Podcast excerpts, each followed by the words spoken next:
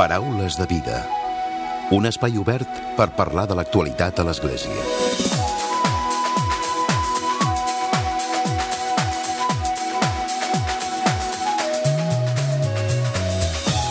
Què tal? Salutacions i molt bon dia, molt bon diumenge. La Delegació de Mitjans de Comunicació de l'Arcabisbat de Barcelona ha posat en marxa la col·lecció de llibres Tots recordem, amb el primer títol que porta per nom La fulla dels diumenges, un bocí d'història del full dominical 1891-1991.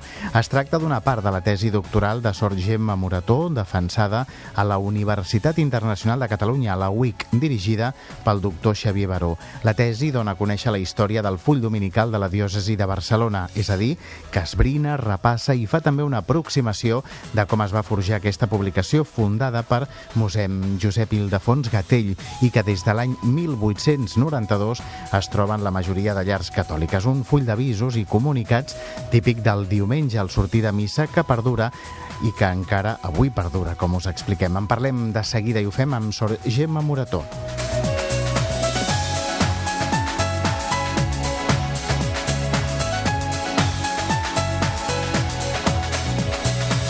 Parlarem d'una altra publicació, en aquest cas de la revista Valors, la revista de pensament i filosofia que al seu número de gener es pregunta com viure en una societat gasosa. Reflexionen a través d'articles de Francesc Torralba, d'Albert Saez, de Pablo Dors, d'Albert Rollo o de Núria Saramires. En parlarem també amb un dels seus responsables, amb en Joan Salicro.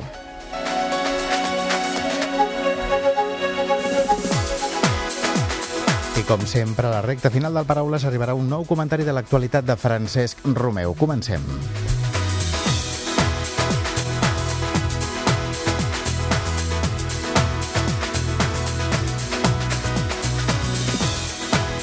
I donem la benvinguda a Sor Gemma Morató. Bon dia i benvinguda al Paraules de Vida. Bon dia, bon diumenge. Una tesi doctoral que ara, part d'ella, es transforma en un llibre que tenim aquí, a l'estudi.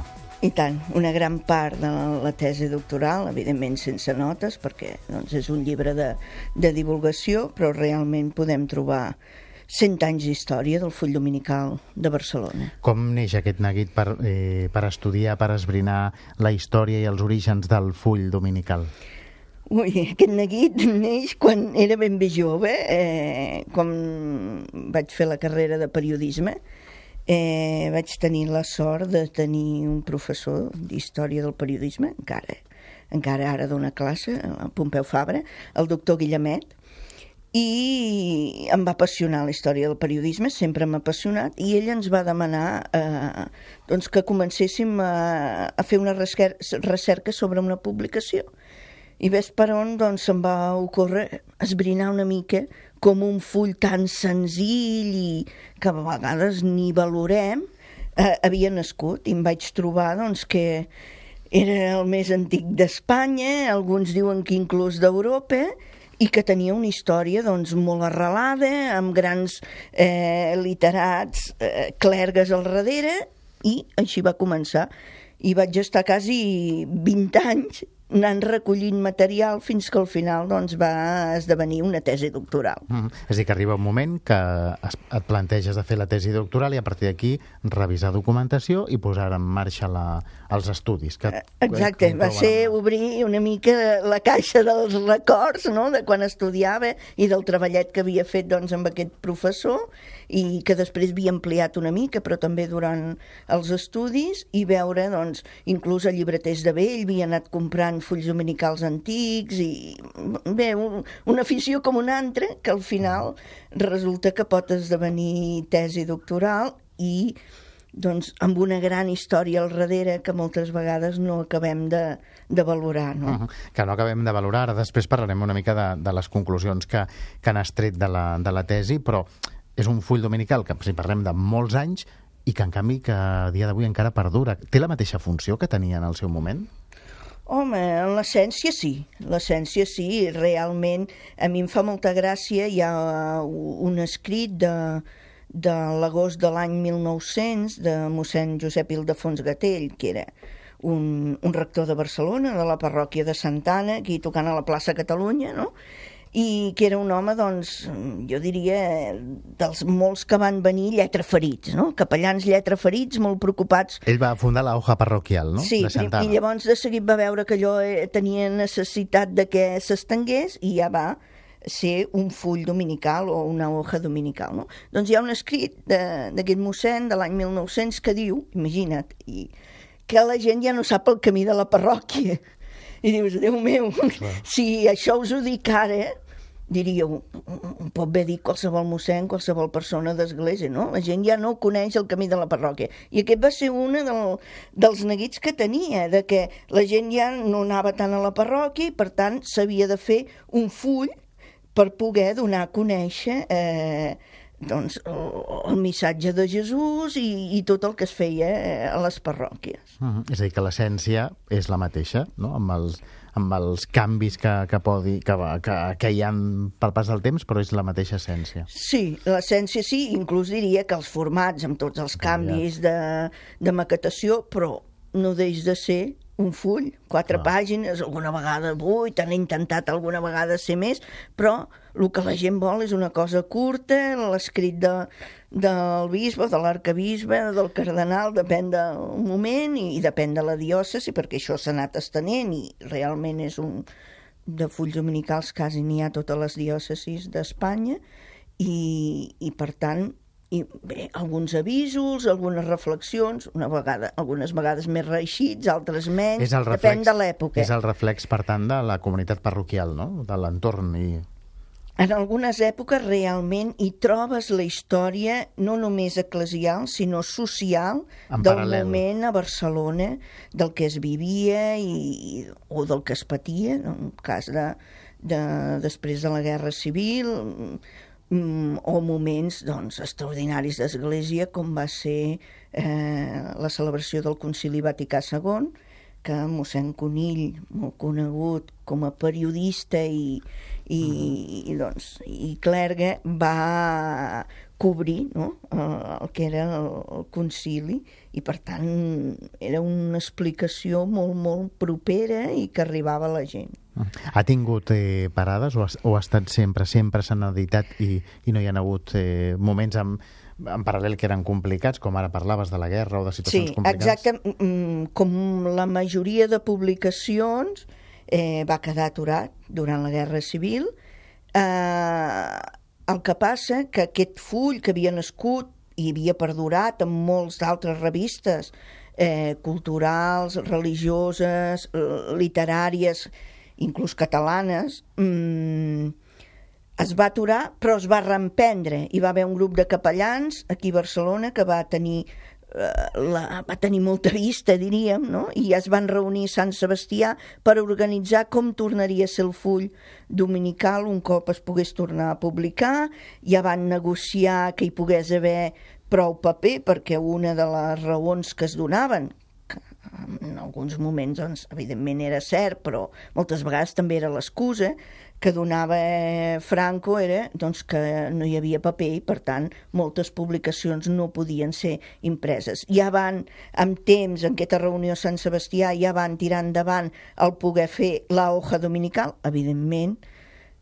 seguirà, seguirà en castellà, seguirà molt... Es va amb... posar al cantó de, de Franco. És que si no, no surt. Vull dir, eh, això... que passa que avui dia a vegades la història no ens agrada lle llegir-la i tot ho llegim amb els ulls avui, clar.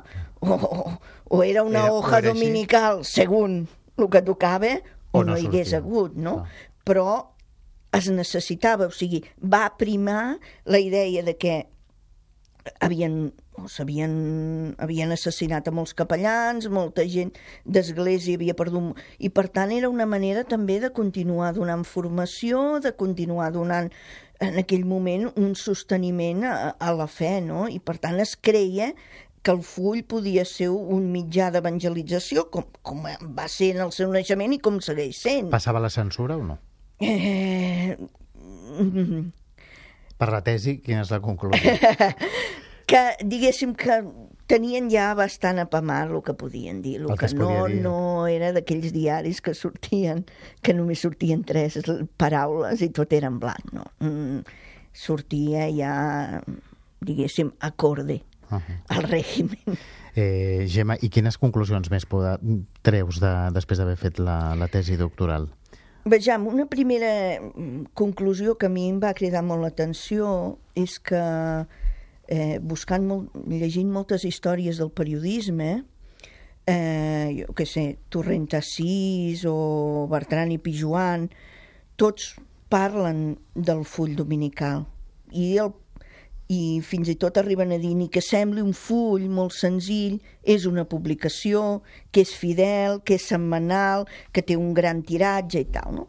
I a mi, de que ens, inclús Figueres, més cap aquí, no? Mm, historiadors del periodisme, no es deixen el full dominical mentre que a mesura que arribem cap als nostres temps, les històries del periodisme prescindeixen de tot, del full dominical i d'inclús altres revistes religioses que van marcar una època, inclús que van ser grans defensores de la cultura catalana. No? Uh -huh. I això a vegades sap greu. Clar. Uh -huh. Defensada a la UIC, a la Universitat Internacional de Catalunya. Sí. Breument també, com va ser el procés de... Bé, el procés és... Qui ha passat per defensar una tesi doctoral sap que és un, un patiment i que sembla que no s'acabi mai.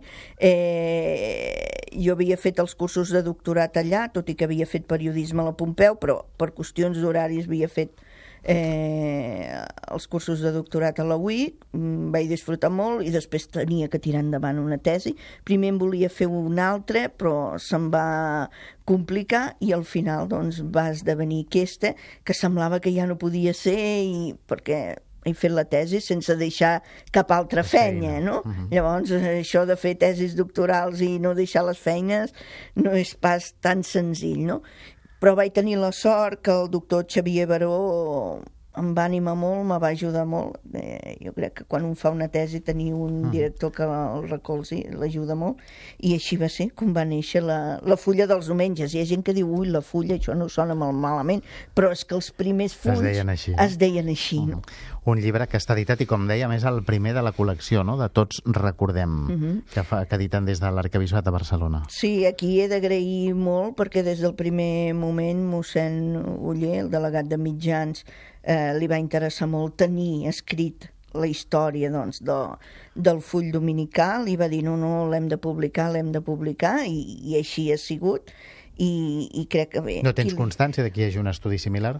No, no, no, no, no, no. això sí que he remenat cels i terra pionera, i no, és pionera en aquest sentit Mm, hi ha moltes notes curioses, però és fruit de la, de la història i, i fins i tot de la història dels homes, eh? que alguna vegada s'enganxen alguns i tothom vol manar. No diré, això no ho direm, perquè això el que farem serà animar els oients del Paraules de Vida que el comprin, la, la fulla dels diumenges, de la col·lecció, el primer llibre de la col·lecció Tots recordem que edita l'Arcabisbat de Barcelona, que és un bocí d'història del full dominical 1891-1991.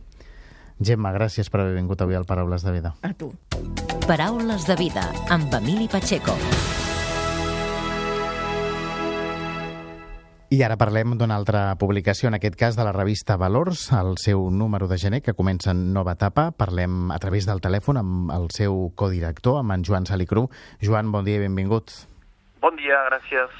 Parlem de la revista, del número de gener, del primer número d'aquest 2019, i amb novetats.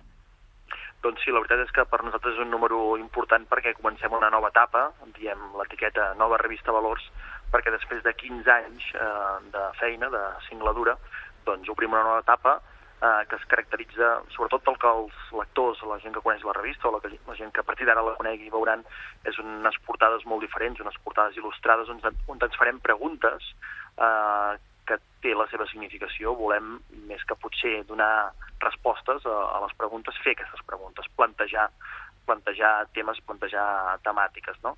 Uh, en aquest sentit això ens acosta una mica més potser a la, a la filosofia, uh, a l'ètica, que és una, un dels objectius també d'aquest canvi, abraçar uh, nous camps, no ser només una revista de reflexió sobre, sobre els valors, que ho seguim sent, però hi afegim també aquesta pàtina de buscar l'ètica i la filosofia, per tant, amb aquestes portades, com la primera, per exemple, que es pregunta com viure en una societat gasosa, es parla actualment alguns filòsofs, alguns pensadors parlen no ja de la societat líquida, de la qual parlava Bauman 10 anys enrere, sinó de la societat gasosa, una societat encara més volàtil eh, volàtil, precisament, món volàtil, és el títol del llibre que Francesc Torralba ha dedicat a aquesta qüestió, que va sortir, ha sortit fa pocs mesos, món volàtil es diu, Francesc Torralba és un dels que escriu, una de les persones que ens col·laboren en aquest uh, número, doncs uh, la societat gasosa es caracteritza per un alt grau de volatilitat, un, unes relacions encara més flexibles que les que ens proposava la societat líquida. I aquest és un tema molt de fons que ens serveix per fer una foto, per tirar darrere, fer una foto general de la nostra societat, o la societat occidental en aquests moments, i que ens permet doncs, encarar aquesta nova etapa amb una mirada molt àmplia de on som, de com estem. Mm. Francesc Torralba, però com dèiem també la portada d'articles que reflexiona al, al voltant d'aquesta qüestió amb l'Albert Saez, amb el Pablo Dors, l'Albert Royo o la Núria Sara Mires efectivament, Pablo Dors, que és una persona que ha, ha venut 150.000 eh, exemplars del seu darrer llibre, segurament no volem sempre medir la gent per la seva capacitat de, de vendre llibres, només faltaria, eh? però en aquest cas es tracta d'un sacerdot, un escriptor amb molt de ressò, amb un llibre que té a veure amb el silenci, amb la temàtica de l'espiritualitat, d'un retorn a la intimitat, a l'espiritualitat, a treballar-se internament, doncs és un llibre que ha, funcionat molt bé i és la persona doncs, que protagonitza el monogràfic on ens preguntem això, com viure en una societat eh, gasosa i com bé deies, a banda de Pablo Dors, també intervenen en Francesc Torralba, també intervé el doctor en comunicació Albert Saez, la Núria Sara Mires, que és professora de la Universitat de, de, de Barcelona, i eh, per tant doncs, diverses firmes que ens, ens ajuden a, consolidar aquesta reflexió sobre com és possible viure en una societat gasosa i quins elements també positius en podem extreure, però. Mm. Un punt de partida que és amb una pregunta, però també la revista Valors té seccions fixes i col·laboradors fixes que, que hi escriuen, oi? Sí, de fet el que no varia en aquesta nova etapa és la idea que hi ha un monogràfic central, que, que és el tema de la, de la portada i el que segueix dedicant-nos al gruix de les atencions, però sobretot a la part inicial reforcem el que és la, la nostra, el que en diem la tercera lectura de la, de la realitat, de l'actualitat. Això vol dir que segurament ara la gent s'assabenta de les coses a través del 324 o de Catalunya Ràdio o del Twitter d'aquestes emissores, no? per dir-ho d'una manera, potser l'endemà els diaris són capaços de contextualitzar, d'interpretar eh, què significa el que el dia anterior s'ha anunciat que passava, eh? i nosaltres encara tenim un tercer, per això parlem del tercer nivell de, de lectura, que és quines són les causes i les conseqüències a nivell de valors que tenen aquests fets que passen, és a dir, què és, quines són les causes, quins valors hi ha darrere una determinada tendència de la societat i els fets que ocorren quines conseqüències tenen a nivell de valors. Això és el que ens eh, intentem fer en la part eh, inicial de la revista eh, més vinculat a l'actualitat. Per fer-ho, eh, mantenim algunes seccions que hi havia, una secció de tendències, secció de dilemes ètics, secció del personatge, i afegim, però, eh, per exemple, una secció de conversa que fins ara eh, no teníem, aquest mes de gener la protagonitzen Laila Carrau, escriptora i infermera, i Jaume Funes, que és psicòleg especialitzat en, en àmbit juvenil, i a més reflexionem, per exemple, sobre els menors no, menors no acompanyats, un fenomen que els darrers mesos ha ocupat molts titulars de, de Twitter, de 324 que deia jo, de telenotícies, per tant, però també de diaris, i que ara que ha baixat una mica doncs, el, a nivell de titulars d'aquesta qüestió, és quan nosaltres ens hi dediquem i intentem anar una mica més al fons d'aquesta qüestió. Per tant, hi ha aquesta conversa de Laila Carrauch i de Jaume Funes sobre els menors no acompanyats. Hi ha tota una sèrie de, de, de, de millores en aquest àmbit. La darrera que voldria destacar és, de fet, la primera secció que apareix es diu l'actualitat comentada, i en ella quatre membres del nostre Consell Assessor del qual formen part Francesc Torralba, Àngel Castiñeira, Maria Rosa Buixarrais, Begoña Román, Àngel Puyol, Francesc Amat, Alicia García Ruiz, són persones eh, rellevants en el camp de l'ètica, de la filosofia, del pensament a Catalunya i també alguna d'elles a Espanya, són el nostre Consell Assessor i a partir d'ara ens col·laboraran a l'inici de la revista comentant quatre fets de l'actualitat i donant-los doncs, eh, una interpretació a nivell de l'àmbit de valors. Aquesta mm. és la, segurament l'altra la, novetat d'aquest bloc inicial de la revista més vinculat a l'actualitat. Joan Salicru, codirector de Valors, gràcies per haver-nos acompanyat avui al Paraules de Vida. A vosaltres, molt agraït. Paraules de Vida. Solidaritat i compromís. I tot seguit arriba el comentari de l'actualitat de Francesc Romeu. Francesc, molt bon dia. Molt bon dia a tothom. Cada any, en motiu del final d'un any i l'inici d'un altre, el Centre d'Estudis de Cristianisme i Justícia, vinculat als jesuïtes de Catalunya, aprofita aquest moment per fer una reflexió global de la situació en la que es troba el món i l'Església. La reflexió d'aquest any, titulada Núvols foscos però el sol no desapareix, no voldria deixar-la passar sense comentar-la. En primer lloc, el text diu que després d'una època d'un cert optimisme, ara es, de, es detecta el ressorgiment de l'autoritarisme. Ho diu així. La crisi econòmica nord-americana i europea des de la caiguda de Lehman Brothers el 2008, l'inici de la guerra de Síria el 2011, la proclamació del grup Estat Islàmic el 2014, l'augment progressiu de la pressió migratòria cap als països del nord i el decantament del poder cap a la Xina han fet que la confiança en un futur polític millor es desplomés. Sabem prou bé que cada país en temps de crisi intenta salvar-se retirant-se al cau i tancant-se als altres. Ho hem vist a Rússia, amb un Putin tornant l'orgull al seu país amb el ressorgiment de la seva influència mundial. Ho hem vist també a Turquia amb la sultanització d'Erdogan, als Estats Units amb el triomf de Trump, al Brasil amb Bolsonaro a la Gran Bretanya amb el Brexit, a Itàlia, a Polònia, a Hongria, a Espanya, la temptació fins ara acomplexada de ressuscitar la vergonya franquista es torna a posar d'en peus enarborant la bandera contra l'independentisme català i la immigració, sobretot la musulmana. Certament, uns núvols foscos i espessos sobrevolen la democràcia, i en lloc que sigui la democràcia la que es globalitzi, és l'autoritarisme el que va guanyant terreny. Pel que fa a l'Església, el text també assenyala que hi ha núvols espesos sobre ella i sobre el pontificat del papa Francesc, afirmant que tot aquest panorama mundial afecta també l'Església, sigui per un subtil lliscament d'opinió envers aquests moviments, sigui per una contribució activa d'alguns cristians creient que fan un favor a la fe. Des de Cristianisme i Justícia denunciem tota temptació d'utilitzar el cristianisme com a argument per imposar models totalitaris. Sovint s'utilitzen els signes cristians, creus, festes cristianes, culte, etc., com a banderes identitàries desproveint-los del seu significat profund, que no és cap altre que el de la denúncia de l'absolutització dels poders polítics, econòmics o mediàtics d'aquest món. En aquest sentit, en aquesta reflexió, es denuncia una determinada extrema dreta eclesial que afirma combregar amb els subratllats de la misericòrdia de l'Evangeli, però en la pràctica només si aquesta es manté en un nivell genèric i abstracte. Per això reacciona amb vehemència quan es tracta de concretar-la en col·lectius equivalents als de l'Evangeli, els pobres i els marginats de les èlits polítiques, econòmiques i religioses. Els neofonamentalismes eclesials procuren llimar la punta de l'Evangeli que interpel·la i denuncia, deixant en el passat o en el més enllà els destinataris de la seva misericòrdia.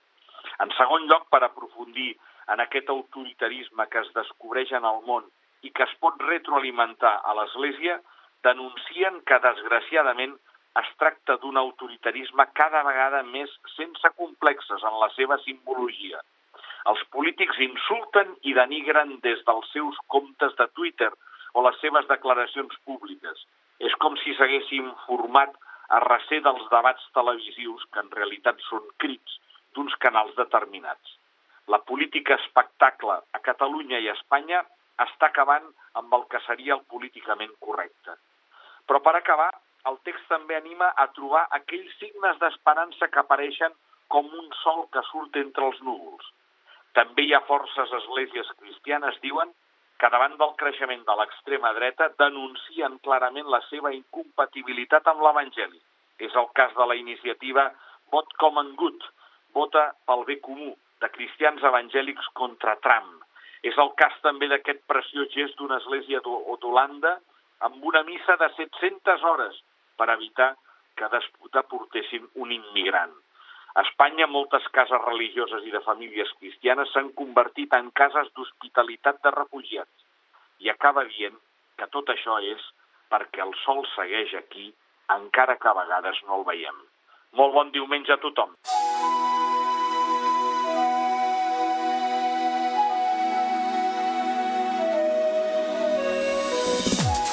Fins aquí el Paraules de Vida d'aquest diumenge d'aquesta setmana. En Ricard Portal ha estat el control tècnic i qui us ha parlat l'Emili Pacheco. Que passeu bon diumenge i una molt bona setmana. us oferim la carta dominical de l'arcabisbe de Barcelona, Joan Josep Omella.